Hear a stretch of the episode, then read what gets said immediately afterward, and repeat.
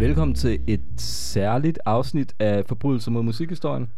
Det er ikke et rigtigt afsnit, men en form for, hvad skal vi kalde det, Jeppe? Jamen måske sådan et, øh, altså når vi nu bliver i musikterminologien, et uh, greatest hits måske? Ja. Most wanted øh, musikforbrydelser. Det kan man sige, nu er vi, øh, vi er færdige med, med første sæson. Det, er jo- det, er jo, det er jo lidt specielt. Det startede i virkeligheden med, at vi havde, øh, fra, fra vi ligesom kom frem til, til hvad vi ligesom ville lave, øh, hvordan, hvad vores podcast skulle handle om, hvordan den skulle være bygget op, så vi var igennem et hav af, at vi startede med at lave nogle dummies, hvor lyden var ret dårlig, og vi ikke havde så meget styr på det, og så vi sådan gradvist fået, det, fået lidt mere styr på det, og så er vi ligesom... Men altså, men hvad, hvad kan man sige? For, for at sige det som det er, vi er jo selvfølgelig godt klar over, at det ikke alt sammen er lige godt, det der kommer ud i vores afsnit. og vi må også, godt, vi må også indrømme, at uh, som tiden er gået, så er vi måske også blevet dårligere til at, at klippe de døde perioder ud. Men vi er til gengæld... Øh, altså, vi synes til gengæld altid, at der er et eller andet, der er værd at tage med. Men hvad kan man sige? Hvis, hvis man har lyttet til nogle af vores afsnit og tænkt, der skulle lige lidt for meget vrøvl, eller hvis man ikke har lyttet til vores øh, podcast før, så tror jeg faktisk, at det her afsnit er et rigtig godt sted at starte.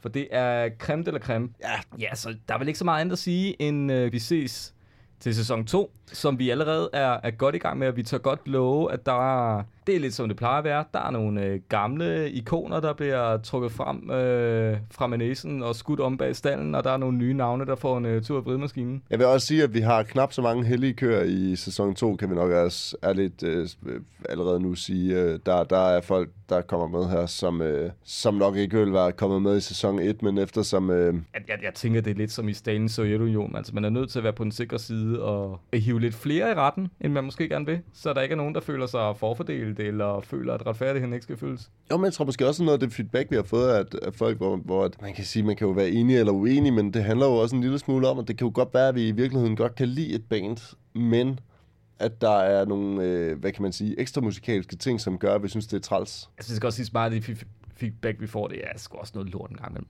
Altså, det er, det er altid sådan, hvorfor, hvorfor skriver I ikke, hvorfor, hvorfor, Hvorfor tager I ikke Aqua? hvor, hvor, hvor, hvorfor laver I ikke, ja, hvorfor, hvorfor tager I ikke Candice eller City Data eller noget, der er virkelig dårligt? Noget, vi ved er dårligt. Noget, som der er fælles konsensus om er dårligt. Det er jo lige netop det, der, det, der er sjovt, er jo at tage noget, som der ikke er fælles konsensus om er dårligt. godt. Altså, det, det, værste er næsten dem, der siger, hvorfor, hvorfor laver I ikke øh, en podcast om noget, I godt kan lide?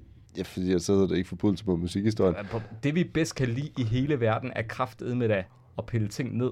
Ja, så også det der med, sådan at, at jeg synes, at bag en hver god analyse ligger jo også, øh, at man skal have et, øh, sådan et refleksionslag, øh, hvor man kan erkende, hvis noget ikke er godt. Og når man snakker om bands, som har utrolig lange karriere bag sig, så er der naturligvis ting i det, øh, som stikker ud som værende en dårlig periode, eller inspirationen løb tør, eller de ikke spillede særlig godt, eller det ikke lyder særlig godt på pladerne, eller at der er en disharmoni imellem, hvad det egentlig er, der sådan er kommet ud, og hvad det er, anmelderne har skrevet om det, for eksempel. Den slags ting bliver man jo nødt til at tage med, men så kan det jo godt være, at et band finder melodien igen, eller også så gør de ikke. Altså, øhm, Det er, det er dybest set, som livet er. Det er mere nuanceret end som så. Så det, I skal lytte til nu, det er resultatet af, af Jeppe, som vi godt kan sige er, er teknikeren i den her podcast. Han har haft fat i den store klippesaks, og så har han simpelthen fundet nogle af de ting fra den første sæson, hvor vi synes, at vi er sjovest, øh, skarpest, øh, virkelig, virkelig rammer den i røven. Så hvis Ja, for man skal jo også tænke på, Christoffer, at den her podcast er jo ikke kun for sjov. Den er også lidt for sjov. Der er jo også alvorlige emner. Ja, hvad tænker du på? Jeg ved, jeg tænker da på, at når man har en musikindustri i Danmark, som omsætter for så uendelig mange penge, og at top 10 af dem har stort set øh, figureret på vores, på vores podcast allerede, ikke? Så, så tænker jeg, at, øh, at det jo også er et alvorligt emne i virkeligheden, hvis det er noget, noget magtværk, det der kommer ud. Så fortjener de vel at ryge på, ryge på anklagebænken. jeg, jeg føler i hvert fald ikke, der er nogen, der skal føle sig sikre. Men øh, jeg tror ikke, der er så meget andet at sige end, øh, her kommer en kavalkade. Vi ses til sæson 2. Vi høres ved. Det bliver fedt.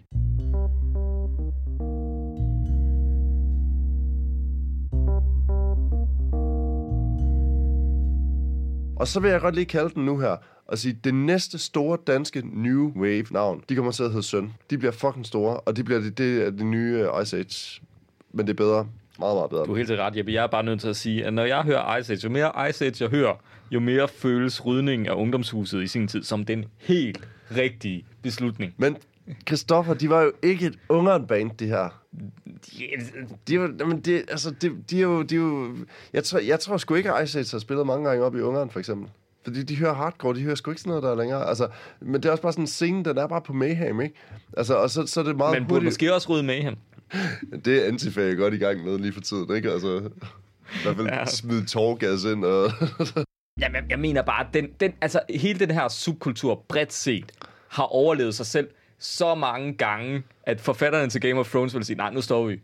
Det her jo. det er for usandsynligt. Men vil du bare dø? Ja, og der er jeg fuldstændig enig. Jeg, jeg mener bare, at der er bands inden for den her genre, som formår at komme med noget, som jeg faktisk oprigtigt talt synes er fedt at lytte til. Men det er altså bands, der er en mere flygtig karakter, som et snare drum, som et tiebreaker, som Cola Freaks, og så videre, og så videre, og så videre. At bands, som udgiver måske en plade, to singler, måske to mm. plader, øh, det projektorienteret musik, som er flygtig i sin natur, som mm. punk i min optik skal være, når punk på den måde bliver institutionaliseret, med at du har en eller anden fast kerne af et band, der, kommer nogle plader med en eller anden sådan, øh, vis frekvens, og der kommer en turné med en vis frekvens, det er på de samme venues, det er på de samme festivaler, det, så, så er det jo fuldstændig ligegyldigt. Men, men vi, skal, vi skal også uh, lige, uh, lige tilbage i diskografien. Ja. Så kan man spørge sig selv, bliver det bedre i takt med, at de ligesom uh, kommer op i 20'erne? Altså snakker vi plade 2 nu? Ja, vi, vi snakker plade 2 nu, ja, den der hedder You're Nothing. Det er sådan, sådan en vild nok titel, ikke? Ja, men, altså, og der kan men man, det er også bare... Der, der, der, der, der, jeg, vil, jeg vil give dem den pointe, at de reflekterer over deres egne mangler i mange af deres titler. Altså sådan halvdelen af titlerne har spørgsmålstegn efter sig. For eksempel nummer, der hedder Interlude, spørgsmålstegn. Og så fortsætter det mere. Et eller andet sted kan jeg jo godt lide, at man på den måde har en metafortælling i sine tekster, der hedder, ved vi egentlig, hvad er det her egentlig? Hedder den her sang det her? Ja. Øh, du må da også tænke på, at de ikke er så gamle, men de kunne selvfølgelig bare have taget fremmedordbogen, og så hvad, hvad betyder interlude egentlig? Det ser fedt ud, altså, hvad da jeg, var, det? da, jeg var, da jeg var 23, der havde jeg en bachelorgrad. Jeg siger det bare. Altså, man, man, man kan godt tænke selv, når man kommer op i 20. Heller, de var sgu da heller ikke 23, da de udgav plade nummer 2. Var det ej, det? De har måske været 15 eller sådan noget. Åh, oh, de må da have været ældre. Ej, det ved jeg ikke. Jeg, jeg gætter bare. Jeg tror, Nej, jeg tror, hvis man hører introen, det jeg sagde om IT's film, og hvor og gamle de var, så må man ligesom man, må man rense sig frem til. Men, jeg tror faktisk, det jeg synes alligevel er sådan, sådan ud fra et forsvarspoint of view, vil jeg stadigvæk sige, at jeg synes, de to første plader har et eller andet over sig. Øh, og vi kan kalde det ungdomligt mod. Vi kan også kalde det, at Peter Peter faktisk er en ganske habil producer. Øh, men altså, igen, det var også bare sådan Alene det, der er med, at Peter Peter er producer, er jo så selv noget, der booster deres salgstal fuldstændig uhørt. Helt sindssygt, og det er også noget der, hvor man burde være virkelig kritisk over for sådan en ny DIY-scene, når, man, jo... når man tager det største punk øh, ikon, vi har i Danmark, til at producere en plade. Altså, um, altså det er bare, i, hvad fanden i, sker i, i, floss, I flossverdenen er Peter Peter jo det der bilkort, der trumfer alt. ja, Hvis du ja. smider Peter Peter på bordet, så skal du aldrig mere betale guld ned på floss. så har du altid det bedste hjørne på. Plade nummer tre udstiller på alle mulige måder, at Age ikke kan finde ud af at bygge numre op. Fordi at de første på plader, der er der alligevel sådan noget med, at det, nummerne er piskort. Det er jo sådan noget halvanden minut, to mm. minutter. Det, det, det, er sådan, man har en idé, og så bang, bang, bang, bang, så den ind. Man når, så, man når ikke at opfatte, hvor dårligt det er, før det er forbi. Lige præcis, det kan, det kan man sige. Men de, de, de, de, vil, de har en eller anden kunstnerisk ambition om at skulle lave en eller anden sådan noget mere helstøbt, hvor der er noget koncept henover og sådan nogle ting. Og i den proces har de åbenbart så extended numrene ud til at blive sådan noget 4-5 minutter, og det er bare, det er simpelthen så langt. Så Pitchfork, de er stadig glade. De taler ikke så meget om musik, men de synes, det er ret fedt, at de har sådan et blomsterarrangement på scenen. Det er ret fedt, synes Pitchfork. Han Pitchfork, de har jo skrevet utrolig meget om det her band, men altså, vil du godt vide, hvem der ikke særlig godt kan lide det her band? Mm, altså, jeg tror ikke, det er Jungersen. Jeg tror ikke, Jungersen ved, hvad det her er for et band. Han har set film. ja, det er nøjagtigt. Jeg elsker filmen.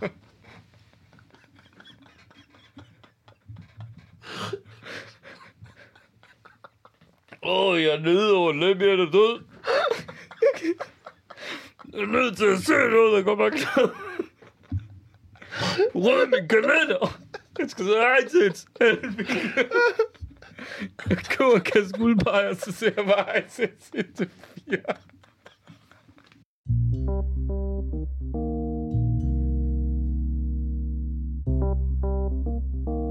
Men altså i selv samme interview med Alt for Damerne får man oplyst, at, at Bisse har et øh, studentereksamenssnit på, hvad det er, 11,8.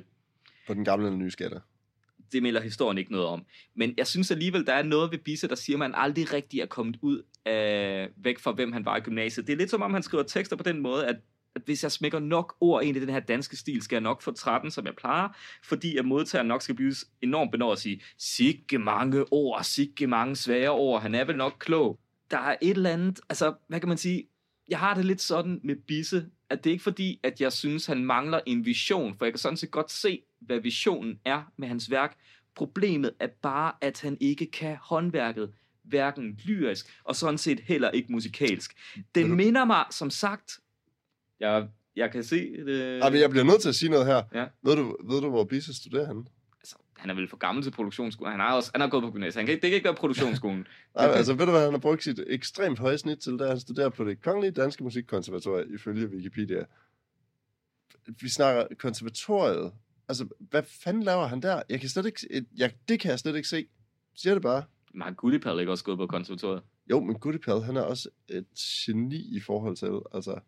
Goodipal, Goodipal, hvis vi absolut skal snakke om, at folk er kunstnere ind til benet, og så kan man mene om, at de er rappelende vanvittige, og hvad det nu er, så vil jeg mene, at Goodipal, han er kunstner ind til benet, og han laver nogle ret radikale valg i hans måde at lave kunst på, og det kan jeg ikke have andet end respekt for. Man kan, jeg kan godt jeg, til enhver tid sige, at jeg forstår jeg det, eller forstår jeg det ikke. Spørgsmålet melder sig naturligvis, når man snakker om Goodipal, og der vil jeg nok være mere over på den vogn, der hedder, det forstår jeg måske egentlig ikke så meget af, men jeg respekterer det som kunst. Ja, altså, man, man har også fornemmelsen af, at Gudepal kan sit håndværk inden for den genre, nu befinder sig i. Og der må jeg nok sige med Bisse, han kan ikke skrive tekster, og jeg synes sgu heller ikke, han kan, han kan skrive musik. Det minder for det første rigtig meget om hinanden. Som jeg sagde, det minder meget om de her teaterkoncerter, Nikolaj Sederholm satte op i 90'erne. Musik og Bjergø, sådan lidt storladende keyboardflader, sådan lidt U2, men også lidt Lars H.G., Michael Falk-agtigt. Og jeg tror i virkeligheden, det det lyder af, det er lidt- sådan dystopisk anlagte ældre mænd, Generation X'er. Det er sådan, de tror, at fremtiden lyder. Sådan, at de tror, at fremtidens musik lyder. Ja, det kan, Og det er i virkeligheden, tror jeg, ret sigende for Bisse øh, og hans værk. Han griber i virkeligheden meget bagud. helt vildt. Jamen, helt sindssygt. Altså, og det er også der, hvor at det virkelig undrer mig, at, øh, at han kan få så meget omtale om, at ah, han er også bare det nye og sådan noget. Ikke? Hvad er der nyt i det her? Han bliver sammenlignet med fandme en mand på et par 70 år, som ikke har udgivet nogen nye plader siden 2002, ikke? Altså, og, og musikken minder om noget, der blev spillet i midt-90'erne, ikke? Men på den anden side, hans reference til midt-90'erne, det er jo det, at, hvad, nu ved jeg ikke, om du har lavet statistik over det, men hvad hans tekster egentlig handler om, at 90% af det handler om hans barndom, ikke? Man har lidt lyst til, at der er en eller anden meningsdanner, der stiller sig op på ølkassen og siger, at han har jo ikke noget tøj på. Jo, men, men det, jeg tænker, at grunden til, at de ikke har gjort det, må være, at fordi at man, er, man, man har en eller anden samforståelse. Man ved det godt, men man holder på hemmeligheden. Og, jeg, vil, jeg vil give Bisse, jeg synes, at hans øh, sangtitler er ret skægge ofte. Jamen altså, tænk, må, må, jeg, må jeg læse op? Altså, Ja, jeg har gerne. en tracklist, der hedder... Altså, jeg forestiller mig, øh, hvis vi lige øh, kan prøve at komme, altså, sådan lige få tændt op under pedo-viben, ikke? Altså, når vi nu har haft grøn stue og sådan noget, så vil jeg sige, at øh, altså, især hans fødselsdagsplade, jeg ved ikke, altså det kan faktisk måske også være, at du skal læse det op i virkeligheden, Christoffer. Altså, jeg synes, jeg synes den her er sjov. Hvis man lige, altså, Mm, ja. Ja. ja. Det, er, det er det fødselsdagspladen. Det er den, der hedder en, en dato, som er hans fødselsdag. Født i 87 i øvrigt, ikke? Nå ja, det skulle han ikke være i tvivl om. Ja. Ja. Og det er april måned. Ja. Måske, ja. Det har været en særlig dag. Altså, jeg tænker, det er lidt ligesom, øh, hvad det, hvad det Kim Il-sung øh, eller Kim Jong-il, hvor han blev født på det, på det højeste bjerg, og der var to regnbuer og så videre. Det må der have været den dag, Bisse blev født. Jeg tænker, Nå. var det i 87 til Nobel sprang i luften i virkeligheden? Nej, det var 86. Ja, satans. Oh. Nå, der er vi. Nå, men jeg, jeg, læser, jeg læser højt øh, for, for titellisten. Det er sangtitler, ja. Vi, vi er sangtitler her på fødselsdagspladen. Vi og det er ikke pedo, det er... Det, Altså, det her, det her det er intet at gøre med et øh, lidt for øh, interesseret forhold i børn øh, overhovedet. overhovedet. Først, øh, vi starter ud med Du er selv kaninen. Så kommer legeaftale. Så har vi Bjælkehuset. Fuld flor. Læsen. Indendørssæsonen. Alene dag. Tusindårsungerne. Idrætshanden. Drøm til min far. Røde kinder. Se frem! Fjerne slægtninge. Og det var sangtitlerne på Bisses fødselsdagsplade. En plade, der på ingen måde handler om et Nabokovs forhold til min mindreårige. Men, men du havde en god pointe før, og og det var, og det var god og også en lille smule dårlig, fordi det var en af dem, jeg havde skrevet ned. Åh oh, gud. Men, men det handler jo om, at i 1998 udkommer Smash Hit in Aberdeen. Samme år udkommer Pornogangster Som jo er et mesterværk. med Ellen Harald. Man, man, man kan sige, hvis... Lad os antage, at der er nogle af vores lytter, der ikke har hørt meget om Alt the Coin, øhm, og ikke har hørt Smash Hit in Aberdeen. Altså, lige en kort introduktion. Som Alt the Coin, meget at mange af deres tekster foregår i et fiktivt univers, der hedder Langestrand, Long Beach, Og, Get it? Boom! Vi altså Long Beach, vi er i USA, ja, ikke? Ja, altså, lige præcis. Det er, det er der. Snoop Dogg er fra, ikke? Oh, Snoopy Doggy Dog. Yep. Yes. Nå, og der er så nogle karakterer. Der er en uh, Jim Daggert hugger, der er nogle andre typer. Der er sådan ligesom lokal radio. Det er sådan det, er sådan det vi uh, med nogen vil kalde et, et koncept eller et univers, man kan leve sig ind i. Fred være med det. Og det, det er altså fans af Matt the Con købte ind i det dengang, og de kører ind i det nu. Og det er sjovt, og det kan man lave nogle, det kan man lave nogle fede fiktive ting med. For eksempel lave sange om pik og patter, for det er jo bare for sjov. Det er bare karaktererne, der mener det. Nå, Pornogangster og Mellon Harl udkom samme år. Og det var ret interessant, fordi at uh, Pornogangster solgte rigtig meget. Jeg kunne forestille mig, at den også har solgt nærmest mere end på en uh, Smash Hit Aberdeen, i hvert fald på det tidspunkt. Det har den helt 100. Ja, det, altså... Kan, det kan godt være, at det har ændret sig nu. Men, men, det, sjo- men det sjove er modtagelsen af Alan Harl, fordi at han, han breakede jo massivt, men omtalen er på nogle steder øh, opfattet som, det var, der var nogen, der troede, at det var en eller anden form for sådan jysk dokumentarisme, at det var om ikke, øh, om ikke en til en fortællinger fra Jylland, så i hvert fald nok noget i den stil, man lavede ude på landet.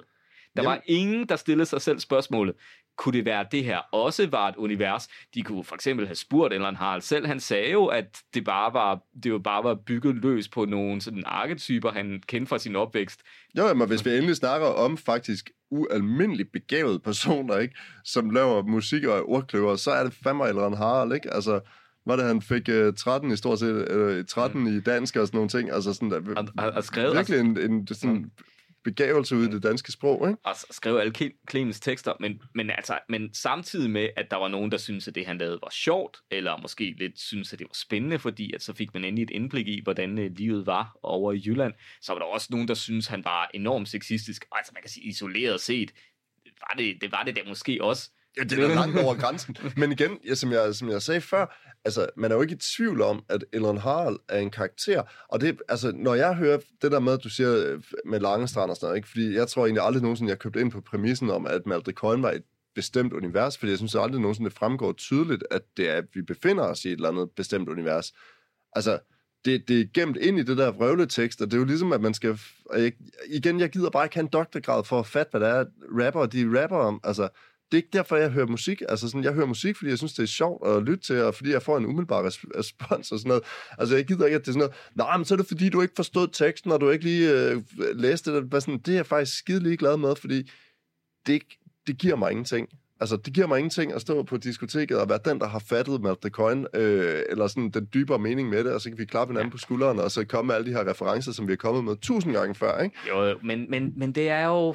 Men altså, Malte Coyne har jo også spillet den godt ved i virkeligheden ikke at udgive særlig mange plader. Altså, noget af det bedste, man kan gøre for at skabe efterspørgsel, er jo tit at fjerne det fra markedet. Lige præcis, det var det, de gjorde. Altså, var det syv år, de var væk? Men nu har de spillet... De spiller vel stadigvæk i virkeligheden? De er i hvert fald ikke officielt gået i opløsning. Det er, Jeg, jeg, jeg, jeg er glad for, at vores øh, research er så dyb, at vi lige gider undersøge om Problemet er bare, at, at jeg, jeg synes, altså, jeg læste den der, bare sådan en helt dum wiki, og, øh, og der står der, at de stadigvæk spiller, altså, men de spiller vel på den måde, at de spiller fire koncerter om året, eller sådan noget, de skal lige ud og tanke lidt øh, moneder, ikke? Og så, Ja, så er det det, ikke? De kan sikkert, sælge vækker ud. jeg tror, de kan sælge Royal Arena ud. Altså, problemet med Baltic Coin, det er også bare, at hvis jeg skal ud og se en, en artist, ikke, stå og optræde, så vil jeg faktisk rigtig gerne se at optræde med noget nyt, eller at, at der er sket et eller andet, at de har rykket sig på nogle parametre. Ikke? Men Coin, bliver- det er fuldstændig det samme, som det var for 20 år siden, og det synes jeg personligt er pisse uinteressant. Ikke? Så vil jeg hellere høre dem, øh, hellere høre på et eller andet øh, band, hvor at, at man kan høre, der har været en udvikling, og de, de startede et sted i 90'erne, nu er de et andet sted, og så fremdrager man hits og sådan nogle ting øh, til en koncert øh, i 2018, ikke? Eller Men, 19. men, men tror du ikke også, at Malte lidt er ramt af det der, kan man sige, tool-kompleks, at de har lavet et for sjov projekt, der er eksploderet, og så bliver de lidt nødt til at lave det en gang, men fordi der er gode penge i det, men altså, de slår mig som nogen, der er- vil ønske, de var et helt andet sted med nogle helt andre mennesker, når de Ja, laver det deres tænker ting. jeg også. Nå, men øh, må, må, måske, måske er det nok øh, om, om mor og, og det første anklagepunkt. Altså, hvad, hvad, hvad, hvad kan man sige? Det har jo aldrig været ideen med den her podcast, at vi skulle på den måde tage langhalm på, om musikken var, var, var god eller dårlig. Altså, jeg tror roligt, vi kan konstatere, at Møs musik er forholdsvis øh, intetsigende, og vi i hvert fald ikke er i målgruppen. Så jeg, jeg har brugt lidt mere kraft på teksterne, for, for jeg synes faktisk, at teksterne, især på hendes... Øh, hendes første plade, No Mythologies to Follow, de er lidt interessante. Ja. Fordi at de, jeg, jeg synes lidt, de, de går et sted hen, jeg ikke troede, at, øh, at de vil gå. Jeg synes faktisk, de er der, hvor jeg, jeg var rigtig blevet i tvivl, om, om det var sådan en, øh, en hip popkunstner med hestehæn foran, eller et øh, old school metal band. Så jeg har Ja. forberedt en lille quiz til dig, Nej, men... til det, Jeppe. Åh, oh, ja, okay, quiz-tid. Det er en, ja. en quiz, jeg kalder um, Mano eller Mø. okay, Du, du ja. hører, jeg læser Ja. en tekst op for dig, og så skulle du simpelthen gætte, om det er fra en, øh, en Mø-sang eller en Manowar-sang. Okay. Okay, ja. For dem, der ikke kender Manowar, så er det, øh, Det er sådan noget krigsmetal fra 80'erne. det er sådan nogle krigsmetal. Altså, hvis, hvis Spinal Tap ikke havde humor, ja, ja, ja. Det er, altså- det er, hvad man kan sige, det er øh, fisse motorcykler og rock og roll og kæmpestore muskler og læderbukser. Sige Der er ikke nogen homo-vibe i Manowar overhovedet. Nej, de er fuldstændig hetero. Helt og aldeles hetero. Det er ikke deres cover, så Det er- sådan mænd i bare overkrop. Der er smurt ind i babyolie. det, det er det ikke. Eller jo, det er det. Lad, lad, lad, lad, lad, lad os sige det sådan her. Hvis vi en, en skønne dag øh, laver den internationale krigsforbryderdomstol, kunne det godt være, at Manowar kom med. Og nu skal, du, nu skal vi lege Mø eller Manu. Ja, jeg spidser ører. Okay, og jeg, jeg, jeg, læser det, jeg læser det op sådan helt, helt almindeligt stille og roligt. Du kan ikke høre noget. My desire is ravaging in me like a warrior's blade. Proud and fine. Let victory be mine. Okay, jeg, vil jeg kommer lige med en forklaring. Mm. Det der, det er mø. Og det må det være, fordi at uh, så mange ord, og så, så mange forskellige ord, vil der aldrig nogensinde være en Manowar-tekst. Du siger Mø? Ja. Det er rigtigt. Yes! Sådan. Det er, kan man sige, det selvbetitlede nummer Maiden med Mø Ja. for No Mythologies to Follow. Okay, nu får du en ny. Mm-hmm. I'm a stranger in town, and my gun's never cold. I'm a gambler, so bet on your life. You'll never live to grow old. Ouch. Ej, det må, det må også være mø. Igen, der, Manowar vil aldrig bruge så mange ord. Så du siger Mø? Jeg siger mø, ja. Det er Manowar, Ah, fanden så også. men nummeret Outlaw. Er det rigtigt? Og der de have haft en god dag, sådan i, uh, du ja. Ved, sådan, uh, den der bogle, hvor de trækker ord op af. Altså, du, du, skal, du, du, skal, du skal tænke på, at jeg har også valgt nogle af de, nogle af de numre, der ikke er Manowar, Manowar, Living on the Road. ja, okay, det kunne godt være, at det var noget andet. When we're in town, speakers explode. We don't attract wimps, cause we are too loud. Just true metal people, that's Manowars crowd. Ja. We are the kings of metal. Ja, okay, nå, ja, Ja. ja fint. Et, et, et, et, eller hvad man We siger. got the biggest amps, and they blast. Jeg husker tydeligt at se Manowar på Roskilde Festival 2002, hvor, hvor sollyset på et tidspunkt skinner lidt uheldigt ind i deres fake backstage. Og jeg kan se det der to. Okay, vi, vi er klar til en til. Warrior. Like you're the one having no fear. In the veneer, you hear the songs and the spears.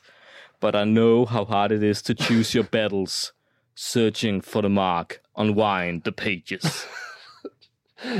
Ah, du kan jo fucking trick mig hele vejen igennem det der. Det må være Manowar, altså. Det, altså, det lyder... Det, det, det kunne, hvis det der det mø, så vil jeg sige, at det kunne Manowar også godt have skrevet det der. Du siger Manowar? Jeg siger Manowar. Det er mø. Ej, for helvede. Hvorfor skriver hun sådan noget? Nå, vi, Ja, vi, okay. vi, vi har flere, vi har flere. Um, Damn. um, oh, what a world I was born into. Warriors are lying down. Hush, little head.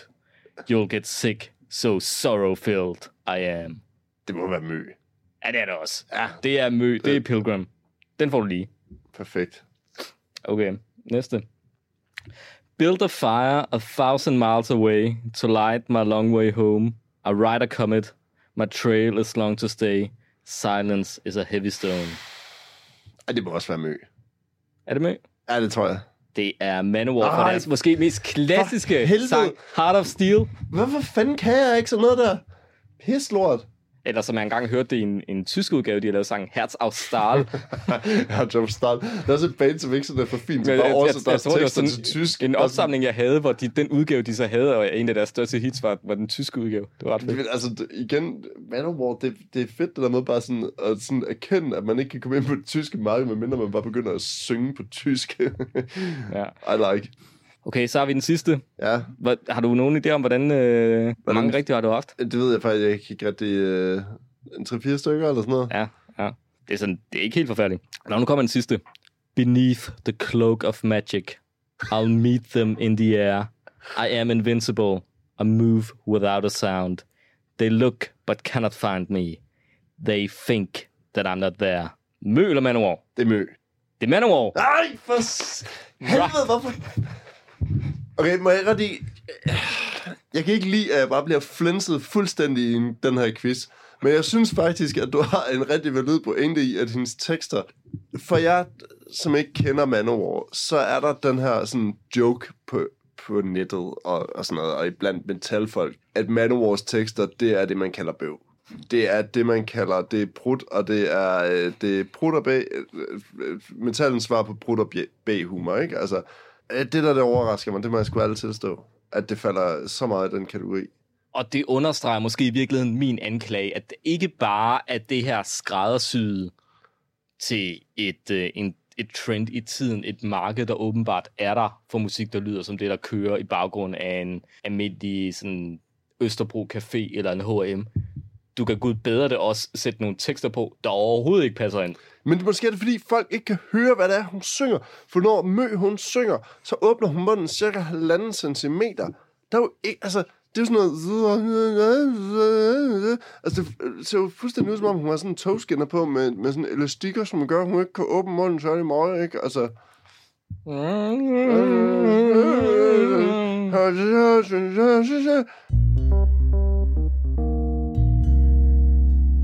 Og Christoffer, der melder sig jo naturligvis et spørgsmål allerede her fra starten. Er du klar? Jeg er så klar. Men ved du hvad? Så stik mig lige et beat, du. Hey, din lort, mit navn, det er Jeppe. Og ud over at egentlig er ret god til at knæppe, så er jeg også en mester i radio. Og den, du lytter til her, den er satan en god. Den handler om alle de lorte plader og alt det musik, som jeg går og hader. I dag skal vi tage fat om guldalder og rap og et dansk band, som jeg synes er noget crap. Det er muligvis landets ringeste orkester, og de spiller kun til dårlige fester. RBC, de er mega klamme, og deres rim, de hjerne lamme. Deres flow er lort, og der sample sutter. Chefen ligner en, der kunstner dårligt putter. De ejer heller ikke rytme salt, så vil jeg fandme hellere have et papercut på min glans, end at lytte mere til det latterlige vinyl, som aftenshowets vært mener er hyld. De er jo ikke engang under dele på trioler eller 16 dele. Deres musik, det er noget værre. Og de skulle fandme have nogle anmeldere bag deres kvinde. Syn er jo helt til grin, og Peter virker som et misogynt svin. Chefen ligner en fed mongol, og Øjvind han har kun haft sex med en stol.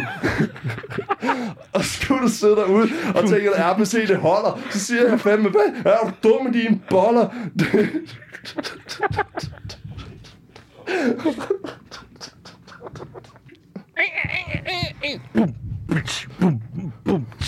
Og skulle du sidde derude og tænke, at RPC det holder, så siger jeg, ja for helvede, er du dum med dine boller?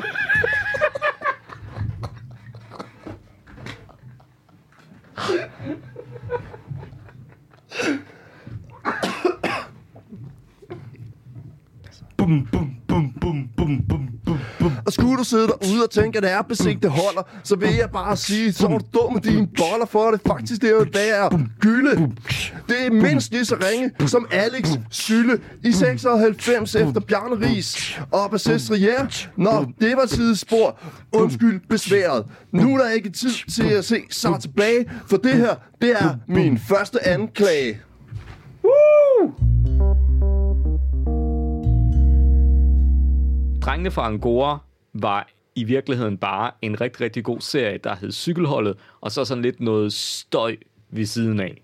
Den køber jeg 100%. Altså, det, det er jo indkapslingen af drenge fra Angora, ikke? Altså, ja. øh, og cykelholdet var sgu da skægt nok. Altså, sådan, Ja, at- det, det, det vil jeg se i dag.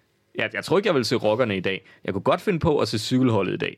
Ved du, hvad jeg faktisk til gengæld tror, der holder? Jeg tror, Svedbanken holder i dag. Altså, det, det har jeg aldrig... Altså, jeg har ikke hørt radiosatire siden Testvold. det, det, det, der, det peakede for mig. Altså, nu kan man også sige, at øh, det skal lige siges, vi, var, øh, vi havde en ret skidt oplevelse her for et par uger siden. Christoffer er ved at være formastet os ind og se rytteriet live. Fy for satan. Fy det, er en, for- det er en aften, jeg aldrig får igen. Nej, det, jeg kunne have brugt dem på så meget andet, end at sidde i glassalen og se rytteriet. Men jeg har aldrig set, til gengæld aldrig set så tung symbolik, som det der er en, øh, en person, der får et ildbefindende, og de er nødt til at afbryde forestillingen 10 minutter før vi endelig kunne gå hjem, troede vi. Så, så pi, Ja, ja. pinen blev Ja, ligesom forlænget. Og det Altså, når folk begynder at dø til dit show, så kan det godt være, at man skal begynde at overveje, om man skulle sådan lave det en lille smule kortere, eller sådan have Måske nogle bare flere fyre, punchlines og fyre sådan noget. ham der for, for Barl og gøre det lidt mindre depressivt og 90-agtigt. Et, et eller andet sted har jeg faktisk glemt det der med, at de mixede dansk og engelsk, indtil jeg lige hørte det igen. Altså i, i min, øh, som jeg husker Nephew, så er det et band, der synger på dansk. Det er egentlig sådan, jeg opfatter dem. Det, det, er Jamen, meget, det er det også her. Altså, jeg har aldrig nogensinde set det der som engelsk lyrik, men der kommer alligevel tilpas meget ind til, at, det, til at man stusser over det, ikke? Mm.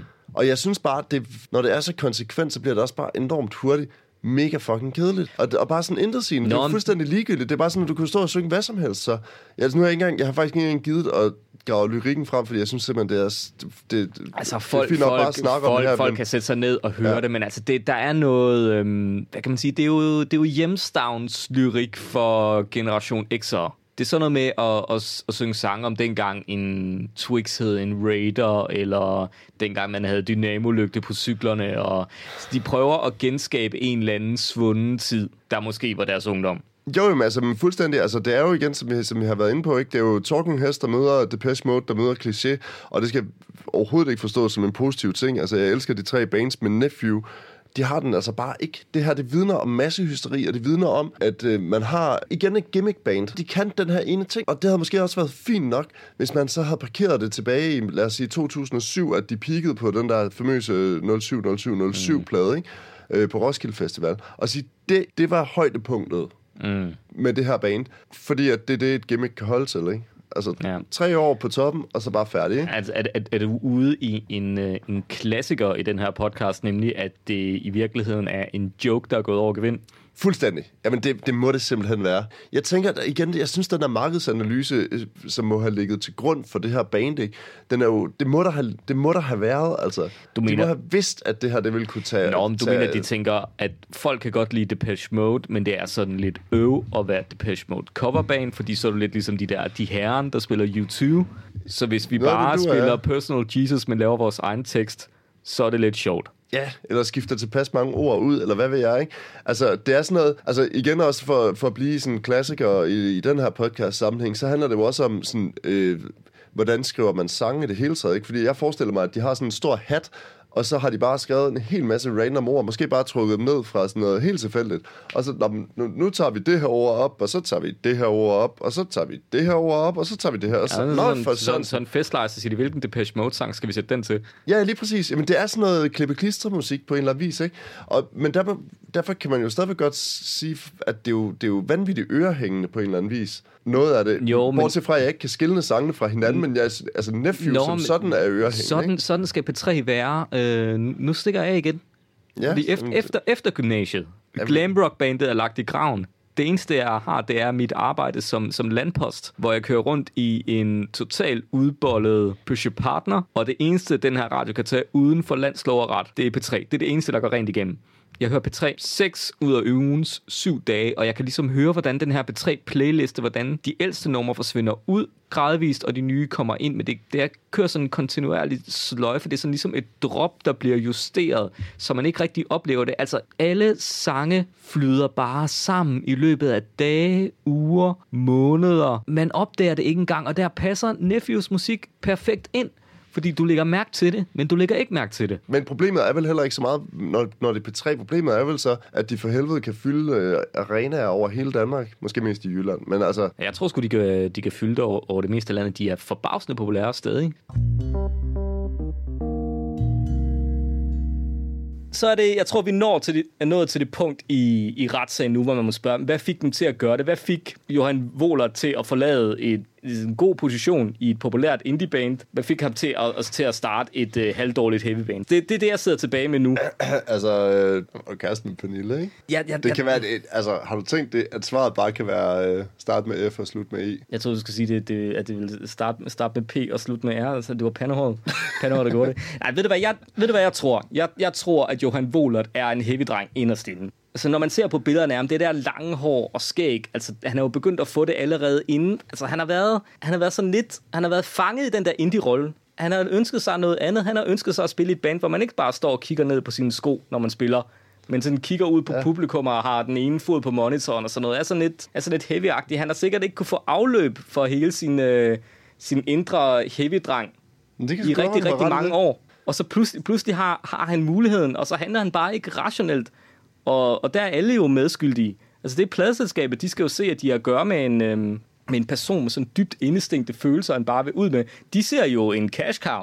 De ser jo en, en sikker investering. Jamen det jeg bare ikke forstår, hvorfor, er det, hvorfor, hvorfor stopper pladeselskabet ikke det her på et eller andet tidspunkt? Og sådan siger, nu bliver I nødt til at træffe nogle rigtige valg, og vi bliver nødt til at have en markedsstrategi, der holder for det her. Altså, det, det er så tydeligt, de vil ud og score penge på det her, hvilket også på sin vis er- kan jeg ikke sige noget dårligt om det. Selvfølgelig vil man gerne det, hvis man laver et stykke arbejde.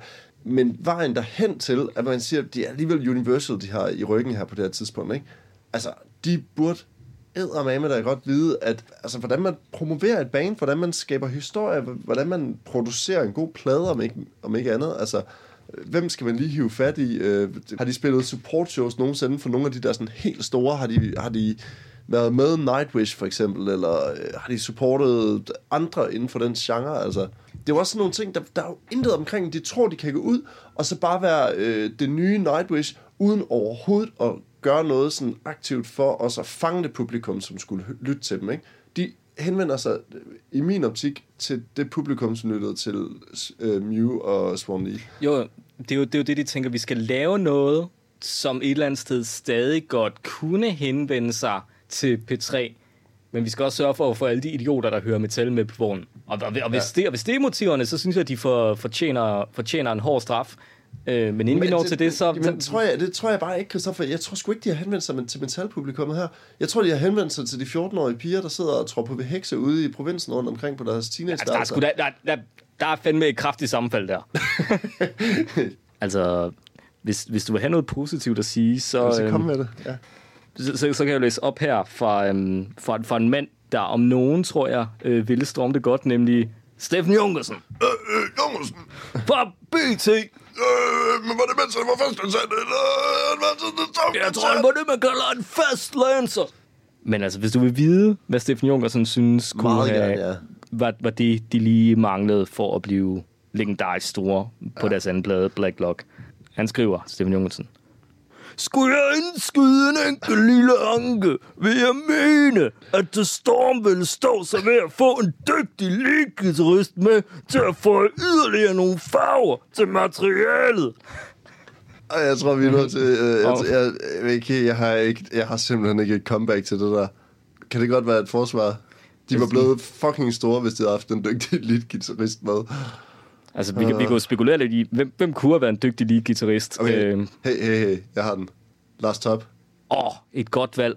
Altså, han er jo ikke dygtig, vel, men det havde været sjovt, og han er fandme der til, at træet skal kigge på. Han kan eddermame spille power den mand. Ej, du- Sådan en femmer akkord, den kan han godt få til at se fed ud. Og han kan eddermame også bare loop den rundt og så videre. Og, Ja. ja. ja. Altså, jeg, jeg tænker ud af boksen her. Hvad med, hvad med Tømmer Claus? Sådan en rigtig dansk øh, guitar S.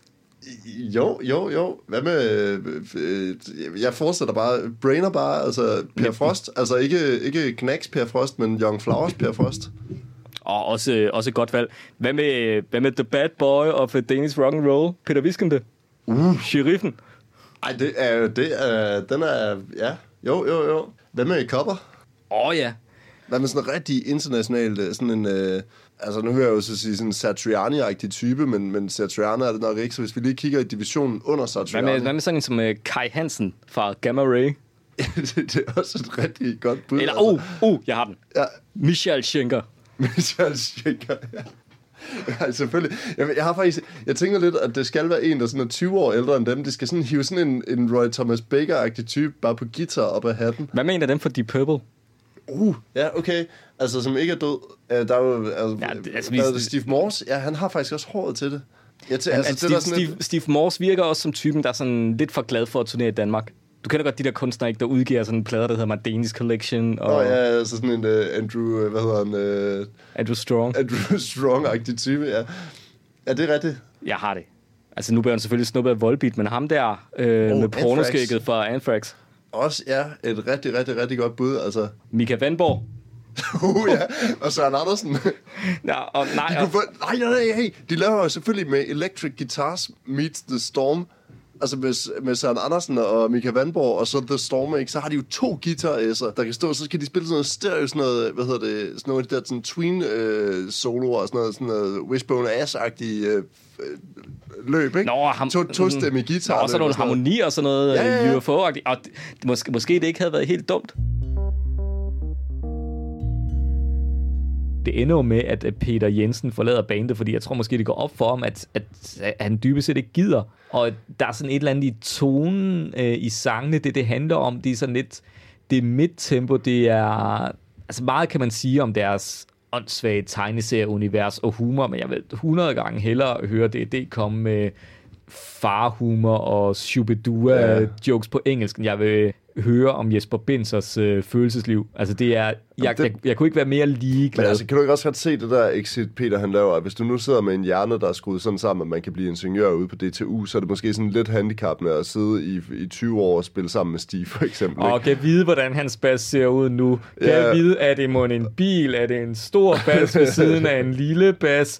en omvendt bas, hvor at bashovedet, det er stemmeskruerne. Og, Og jeg glæder mig til at se hans udklædning. Er det nogle læderbukser, der udvider sig i varme, så jeg kan se hans røv igennem halvdelen af koncerten? Er det stilethæle? Hvor bliver det bare spændende? Jamen, det, Jamen, det kan man sgu da godt forstå. Prøv lige at forestille dig at sidde backstage med Stig i, øh, i ja, knap 20 år, og, og sådan, øh, jeg tror bare ikke, at samtalen har udviklet sig specielt meget i D&D. Jeg tror stadigvæk, det er de samme D&D-jokes, og det er de samme, det er bare det samme og det samme og det samme, ikke? Jo, altså... Og så kan man høre om Kopper og Jesper, at de har været hjemme hos mor og spise øh, brun sovs og så videre, ikke? Eller sådan en familiehistorie men- der. Så det, jeg har bedt Christoffer om, det er, at øh, han skal... Nu, nu tager vi simpelthen de her første plader, eller frem til med Sympatico, og så, så nævner vi bare lige, vi behøver ikke at sådan gå, i, gå i detaljer med det, men vi nævner bare lige, hvad det er for nogle numre, et eller to numre fra hver plade, som vi godt kan lide. Og så kan vi se, om der overhovedet faktisk er nogen sammenfald, eller hvordan vi egentlig sådan, øh, lytter til det her band, hvad det er, vi drager frem som noget af det fede. Så jeg vil høre Call of the Wild. Hvad skal man høre på den plade? Hvilke et eller to numre skal man høre? Jamen altså, hvis man skal høre to numre, fordi at de, at de er gode, og de har et eller andet, som i hvert fald vil kunne pusses frem med måske lidt flere ressourcer osv., så, videre, så vil jeg sige, titelnummeret Call of the Wild, synes jeg inden for på sine præmisser, at, at fint nummer, meget sådan effektfuldt, vil jeg sige, øh, som nummer to, Riding with Sue, fordi at den liveudgave, der er på den opsamling, der hedder Good Clean Family Entertainment You Can Trust, faktisk rigtig fed. Det er et nummer, hvor Stig jo synger. Ja. Og jeg, jeg, jeg synes faktisk lige præcis, det live-nummer, det, det, det, det er sgu et fedt, fedt, øh, fedt op til nummer. Studieversionen er, er noget skrabet, men det, det tænker jeg, at man godt må se øh, lidt henover her. Altså, jeg, vil, jeg er enig med den første, Call of the Wild. Den, det er også den, jeg har skrevet her, øh, fordi jeg synes, det, det er sgu faktisk meget fedt skrevet. Mm. Men så har jeg min nummer to, og den er selvfølgelig lidt kontroversiel, fordi vi har svinet nummeret helt vildt meget lige i starten af den her podcast, og det er Counting the Cattle. Nej, Jeg synes, man skal, jamen, jeg Nej. synes, jeg synes, man skal høre det, fordi at det, det er der, hvor at det, det er det, der gør, at det, det er så fucking udknaldet, som det er. Og det er jo også det, der gør, at vi et eller andet sted har en kærlighed til det her band. Det er jo fordi, at de har kunne lave sådan nogle gimmick-agtige ting, som er helt smadret, ikke? Men- derfor, derfor, det er ikke fordi, det er det bedste nummer eller sådan noget, men jeg synes, man skal høre det, hvis det er, og, du skal tage og, to og, numre og, derfra. og, hvis, og hvis man kan lide det, så, Så synes jeg, man- man skal høre det band, der hedder Cartoons, fordi de har lavet Ja. hele plader, der lyder fuldstændig som Counting the Cattle, og de spiller også på oversized instrumenter, ligesom Stig, så måske man i virkeligheden bare skulle høre Cartoons, i stedet for at høre det. Jeg kan helt ærligt ikke forstå, hvorfor det ikke var Copper, der skrev. Hvad tænker du på? Jeg tænker bare, at han, han spiller klart bedre end de andre. Altså, han er klart den dygtigste musiker i det der band. Og det, der egentlig under mig en lille smule, det er, at måske, at øh, det, altså den, den konstellation, der er, at det er det nu, er, at, øh, at Laust og Kopper ikke er, er skrevet. og har lavet et eller andet sideprojekt sammen, og så har efterladt Stig og Jesper tilbage i den synkende skude. Ikke? Altså det scenarie gad jeg godt at se for mig, for eksempel. Jeg forstår ikke, det he- ikke er helt sket endnu. Altså, fordi jeg tænker bare sådan, hvem vil de så hive ind? Hvem skulle spille trommer og guitar i D&D, hvis det skete? Jeg er overbevist om, at det er Jesper og Stig, der vil starte hver deres DD. Det er jeg altid forestillet mig. Nej, jeg forestiller mig, at det er de to, der ligesom bliver tilbage, fordi Jamen, det, jeg- det, jeg- det er jeg- hele deres liv. Det er bare det, de, det, er det, de kan, ikke? Jeg forestiller... Jeg, nej, jeg, jeg, jeg, det er fordi, jeg elsker kaos, men jeg forestiller mig, at uh, Binserbrødrene ligesom er splittet op i sådan en konstruktion. Så lidt ligesom, du ved, uh, Sepultura, da tingene gik lort der. Jamen, altså, det er jo det der Noel Gallagher også. Altså, det, det er der brødrene, der skal feje flint på hinanden, ikke? Jo, lige præcis. Ja. Altså, jeg, jeg, jeg tænker, at... Så, så det er også derfor, at jeg tænker, at, at, at altså, Kopper og Lars skrider, og Stig og Jesper bliver tilbage og siger sådan, hvad har vi? Vi har pisse dårlig økonomi, fordi at, det, det, lad os sige det er efter Wigwam og sådan noget, ikke? Vi bliver nødt til at fortsætte med at spille. Vi kan, vi kan ikke undvære ikke at spille, fordi at øh, der er penge, der skal betales, og man er fraskilt med to børn, og dit og dat og sådan noget. Ikke? Der er masser af faste udgifter og sådan noget. Så vi kan ikke bare droppe det der med at spille. Vi bliver nødt til at komme ud. Men hvem vil de så hyre ind? Jeg har en idé. Det er, at, at de vil få Søren Berløv på trommer. Ja, Gasolins gamle trommeslag, ja. Ja, og så skulle de lave sådan et uh, D&D's Berlev Gasland After Dark show. Det kunne, det kunne være meget fedt. Sådan lidt som The Queen, de med, tilbageværende medlemmer af Queen hentede Paul Rogers for free ind. Af den du er. De startede med at Men spille... kan du ikke bare forestille dig, du kan godt, du kan godt se de der, hvad hedder det, gasolin trommer med dobbeltpedalen, hvor der står gasolin på, og Ja, de ja. der sølvtrommer hvor der. der ikke er skiftet skin siden... ja. Øh, Men prøv lige at forestille dig det på scenen under et D&D-show, hvor, hvor man så også lige spiller rabalderstræder og sådan noget, ikke? Ja. Jeg, vil, det vil, jeg vil fandme komme til sådan et show. Det vil være episk. Så skal, du, så skal du finde en guitarist. Altså, jeg har en topkandidat, og det er Lars Top. De bliver simpelthen forsonet. Stig og Lars Top, de bliver forsonet i D&D. Ja, det kunne være meget fedt. Så kunne du... Så kan de spille nogle, nogle sort sol numre også og sådan noget. Ja, kunne Måske et ads-nummer og sådan noget til, til sådan en kondisøren, der står derude sådan, uh, nej, det var da vist det, det der fra den der sjældne EP fra 82 eller sådan noget, Så lidt sådan en Rhapsody in rock. ikke? ja. Ja, i virke, ja, i virkeligheden. Har du nogen bud på sådan andre øh, kandidater til, til trommer og guitar i D&D? Altså, jeg har for det første altid forestillet mig, at Stig han ligesom ville gå solo med sit eget D&D-projekt. Det, det er egentlig nok det mest... Uh, nej, jeg har den. Du ved godt, Sweet, som vi begge to elsker. Ja, ja, ja. Der findes jo to Sweet-orkestre. Det ene turnerer i, øh, USA. i USA, og det andet turnerer i Europa. Og det er Andy Scott, heldigvis, thank God, der turnerer i Europa, så det er det, man kan tage ud og se. Hvis man gerne vil se en meget, meget overvægtig guitarist, så skal man tage ud og se det. Og det, det, er sgu meget, det er sgu meget sjovt. Jeg tænker bare sådan, hvem skulle, have, hvem skulle så have Fyn og Sjælland, og hvem skulle have Jylland? Det måtte være sådan, det blev delt op, ikke? Øerne, ø, øerne, og så den anden har Jylland. Ja, det er... Det må det... Stig tager København. Ja, det, jeg kan ikke forestille mig andet. Jesper, Jesper, han er sådan en bunderøv. Han tager det derude der. Jesper tager der, hvor pengene er, tror jeg. Det, det, er, Det bliver han ellers nødt til, det, altså. Det, det er firma-gigs uh, hele vejen. Fuldstændig. Ja, ja, det bliver sådan noget at stå til Vesters øh, årlige julefrokost eller sådan noget. Ja. Med sådan et backtrack med Sleepy My Day Away. Det, det skulle bare være grimt. Nå, men øhm, vi kan jo ikke befinde os i den her drømmeverden hele tiden. Nej, desværre. Men jeg synes faktisk, at, øh, at jeg vil slutte min, øh, min positivitet af ved at lige øh, fremhæve et øh, absolut lavpunkt allerede i øh, den første tid med Lars Sonne. Og det er øh, simpelthen nummeret A Kiss Between the Legs, uh. som Uh. er at finde på pladen Everything Glows. Det er, skal siges, gemt ret langt væk på den plade. Det ligger jo langt om øh, track 8 eller 9 eller sådan noget, ikke? Og jeg, det, er også okay, hvis folk ikke sådan lige kan sådan, lige nu på stående fod sådan, øh, sådan, høre det for sig. Men I skal forestille jer, at det lyder lidt som det brune punktum. Og så er lyrikken nok også klammer end noget Martin Brygman, han nogensinde har kunne finde på at skrive. Ikke? Jeg læser op. A kiss between the legs. I wonder how. Just a kiss. A kiss makes it better. A kiss between the legs. Yeah, somehow. One day it's chicken, the next day it's feathers. A kiss between the legs, yeah. Whenever you find what you seek, it's be kind to clitoris week. Oh la la la. Altså, der, er, der er gået en pros op for Jesper. Der. Tror du det? Jeg tror, det er Stig, der har skrevet det her. Tror du ikke det? Jeg kan ikke finde ud af, hvor mange af teksterne Stig han skriver. Jeg tror bare forestille dig det der sådan en eller anden kvinde, og det der sådan Jesper-hår bare ned i skrevet, og så de der bakkenbarter på benene.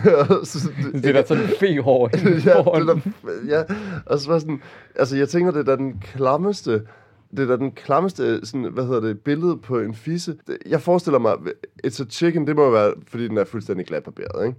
Og, og den anden dag, så er det med feathers. Så det må jo være sådan en, en 70'er måtte, han så dykker ned i, ikke? Men jeg forestiller mig bare den der chicken, som sådan, du ved, de der, øh, sådan en filet ned fra Netto, der den ligger nede i køledisken, bare der bang, og der er stadigvæk sådan et rester af, af sådan de der stube af fjerne på, og sådan noget. Og så er det bare sådan en, der var voldsnæver, ikke? Er det, er det derfor, du er vegetar, det, det kunne gøre... Det. Jeg så det billede for mig, og så tænkte jeg bare, Jesper, der snaver sådan en, en, en, en rå kyllingefilet ned fra Netto. Det, jeg kunne simpelthen ikke, altså, det er simpelthen så klamt, det der. Jeg vil bare, jeg nævnte det her for min kæreste, øh, det her vers her. Og den sidste linje der, It's Be Kind to Clitoris Week, hvor jeg sagde, det fandme, hvad fanden er det for noget pis at skrive? Hvad så med, hvad så med de andre 51 uger om året? Hvad, hvad så med dem? Og så var sådan, det kan jo også godt være, at det også er Be Kind to Clitoris. At det kan jo godt være, det er alle uger. Men jeg, jeg kan simpelthen ikke lade være med at høre, at det er en uge om året. Så er det bare den her uge, så er det fandme nu, altså. Ja. Nu skal vi være søde. Ja, så, så, så, så når ugen er ved at slutte, så står Jesper og kigger ud og så, ja, lige præcis. Nu øh, færdig. Så kan du godt... Øh... Men også fordi, at vidner, at det her i virkeligheden sådan en rockstar-sang om, at de bare slikker fisse på rigtig mange forskellige kvinder, fordi at den ene dag er det chicken, og den, den anden dag, så, så er der fjer på, ikke? Altså, det sker jo ikke bare fra dag til dag, at de der fucking pubesår går ud, jo. Nej, det er, det er meget, meget, det er... meget bizart. Altså, man, man, kunne være und, altså, man kunne være positiv og sige, at de, øhm, at de bidrager på en eller anden måde til, til kønsdebat med det her nummer. Man kan også være negativ at sige, at de øh, måske begynder at have lidt svært ved at skrive tekster. Det kunne man også sige, at det, det var måske sådan lidt i mangel på, på et eller andet. Det også være, at det er Lars Sonnes input. Det kunne selvfølgelig også være, men så tror jeg ikke, at det, det var Become to Clitoris Week. Lars Sonne slår mig ikke som, som typen, der accepterer fætters. Det tror jeg sgu heller ikke. Det, nej, det tror jeg ikke. Der, der tror jeg mere over på Stig i virkeligheden. Jeg tror måske, det er hans input. Jeg tror godt, Stig han kunne dække sådan en, sådan en 70'er måtte. Det tror jeg ikke, han vil have noget med. Jeg tror, Stig er utrolig generøs. Jeg tror, Stig han er ret ligeglad med, hvordan en kvinde ser ud i virkeligheden. Ja, det tror jeg også. Jeg tror, det, det jeg, jeg, igen, jeg kan ikke snakke negativt om Stig. Jeg tror, Stig er en fantastisk fyr. Jeg tror, Stig er pisse sjov og sidder og drikker bajer med og sådan noget. Men det der... Det altså, der Stig, Stig Pedersen drikker ikke øl med, med os almindelige dødelige. Altså, det er i virkeligheden... Altså, at, at du kan få den tanke. Altså, hvis du hvis du var i det samme lokale som Stig, altså hvis, hvis han talte til dig, så vil det jo være at sådan rent praktisk, øh, som, er, du, er du sød lige at flytte dig? Hvad laver du her? Det er det, er det backstage-rummet. ja, men altså, der var også det med Stigs måde sådan at tale på, det er, at jeg tror ikke, han kan formulere en sætning, der er så lang, som det du lige lavede der. Fordi, altså, hvis man har set den der øh, helt igennem gystige film, der hedder True Believers, er der altså et lille øh, groupie, øh, hvad hedder han, Twilight ja. Hobbes øh, ja, men det, fan, fan, fanboy-projekt der. Så, så er der jo sådan noget, at Stis måde at tænke på er sådan, jeg tror, der er sådan to centre i hans hjerne, som bare popper sådan random ting ud. Og jo. så en gang imellem, så knaller de sammen, og så kommer der en eller anden tredje random ting ud. Det giver simpelthen det han siger, det giver ingen mening, altså. Men så taler han også nogle gange sådan her.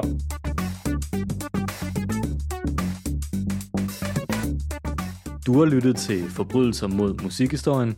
Du finder os i iTunes, på Spotify og på Facebook, hvor du passende kan give os ret, eller belære os om alt det, vi ikke forstår. Intet er heldigt, heller ikke på Facebook.